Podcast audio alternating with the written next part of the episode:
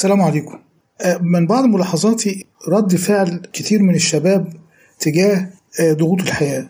رد فعله بالنسبة للأمور اللي المفروض يعرفها.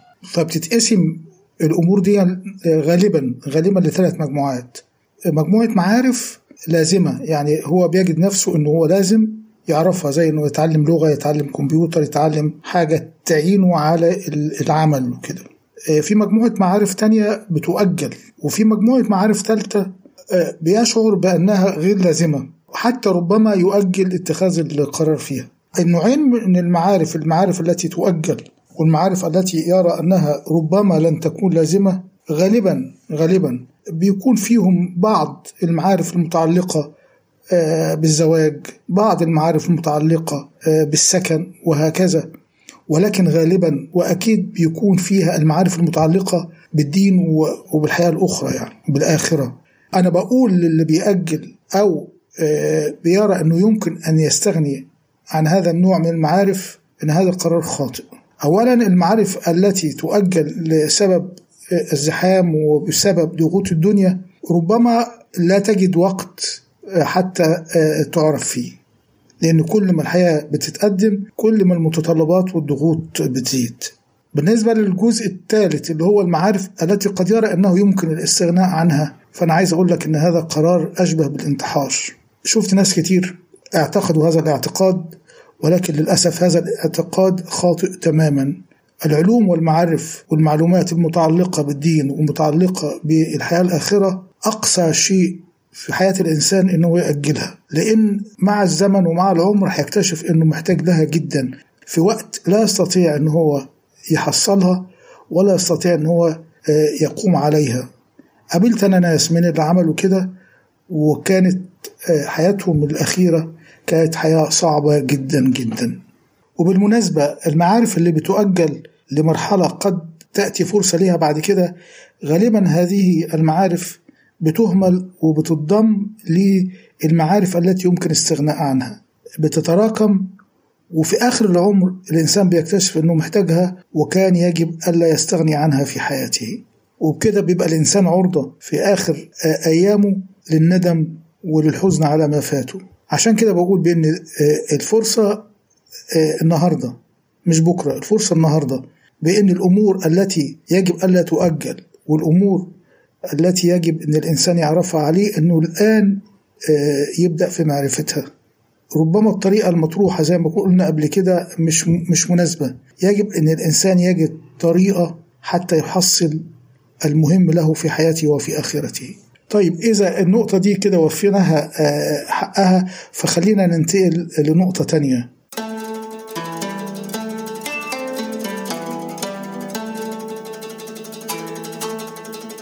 النقطة التانية متعلقة بنوعي المعرفة.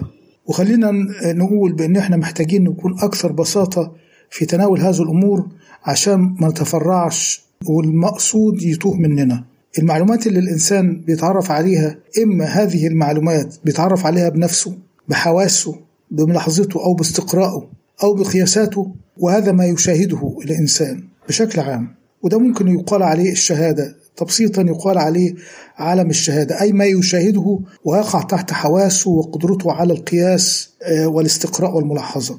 وطبعا ده ليه مصادره الكتير ليه مصادره المتعددة الكتب والعلوم السابقة والقياس والتجريب وهكذا. يعني المصادر المعرفة اللي الإنسان بيقدر يتعرف فيها على الأشياء التجريبية التي يمكن أن تقاس.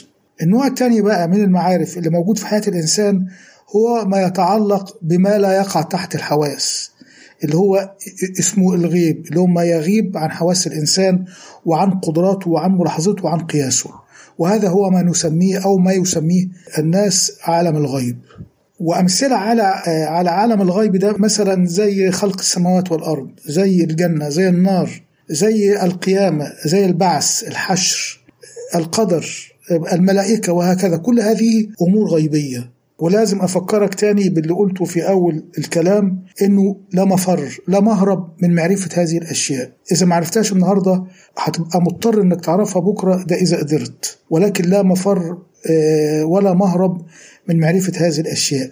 فتعرف عليها النهاردة قبل ما تجد نفسك. عايز تتعرف عليها وما عندكش الفرصة ولا القدرة ولا الوقت ولا الصحة. كنا بنقول إن كل الأمور اللي سبقت وجود الإنسان هي غيب وكل الأمور اللي هتلحق للإنسان بعد موته هي غيب. وأهم ما أريد أن أقوله في هذا الموضوع إن المعارف المتعلقة بالغيب لها مصدر واحد وهو النص القرآن والسنة الصحيحة ما ثبت عن النبي صلى الله عليه وسلم ولا مصدر آخر لمعرفة الغيب إلا بالقرآن وبالسنة. يعني يا إما القرآن المفهوم مباشرة أو السنة المفهومة مباشرة أو فهم للقرآن والسنة أستطيع أن أقبله. يعني مثلا من الأمثلة اللي غاب عنها الإنسان وغابت عن إدراكه قبل ما يولد. يعني مثلا قوله سبحانه وتعالى وإذ أخذ ربك من بني آدم من ظهورهم ذريتهم. يعني هذا كان قبل خلق الإنسان. فالإنسان لم يشهد هذا.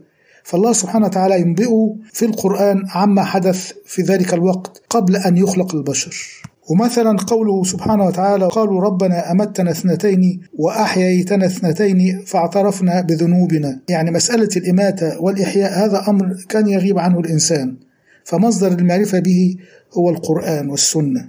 كذلك مشاهد كثيرة من يوم مشاهد يوم القيامة يوم تجد كل نفس ما عملت من خير محضرة هذا يوم القيامة وهذا غيب. وقوله سبحانه وتعالى يطوف عليهم ولدان مخلدون. وقوله سبحانه وتعالى وسيق الذين كفروا إلى جهنم زمرا وقوله وسيق الذين اتقوا ربهم إلى الجنة زمرا. كل هذا غيب. الله سبحانه وتعالى ينبئنا عنه في القرآن وهذا هو مصدر الخبر عن هذا الغيب. والأمثلة عن الغيب في السنة كثيرة. يعني مثلا النبي صلى الله عليه وسلم عندما يقول كل أمتي يدخلون الجنة إلا من أبى هذا إخبار عن الغيب. ولما النبي صلى الله عليه وسلم يخبرنا في معنى الحديث أن من توضأ في بيته وذهب إلى الصلاة في المسجد كانت كل خطوة ترفعه درجة وتحط عنه خطيئة هذا إنباء بالغيب. إذا فغايتنا في هذه الحلقة هو أن إحنا نتفق على قاعدة أساسية بأنه المعارف اللي الإنسان لازم هيعرفها هيعرفها. نوعين نوع بيعرفه بالكسب بالمشاهدة وبالملاحظة ونوع بيعرفه من الخبر الصادق سواء في القرآن أو في سنة النبي صلى الله عليه وسلم. ونبتدي نتعرف إزاي نتحرى ونفهم الأخبار الصادقة. من النصوص حفظكم الله وآواكم. والسلام عليكم ورحمة الله وبركاته.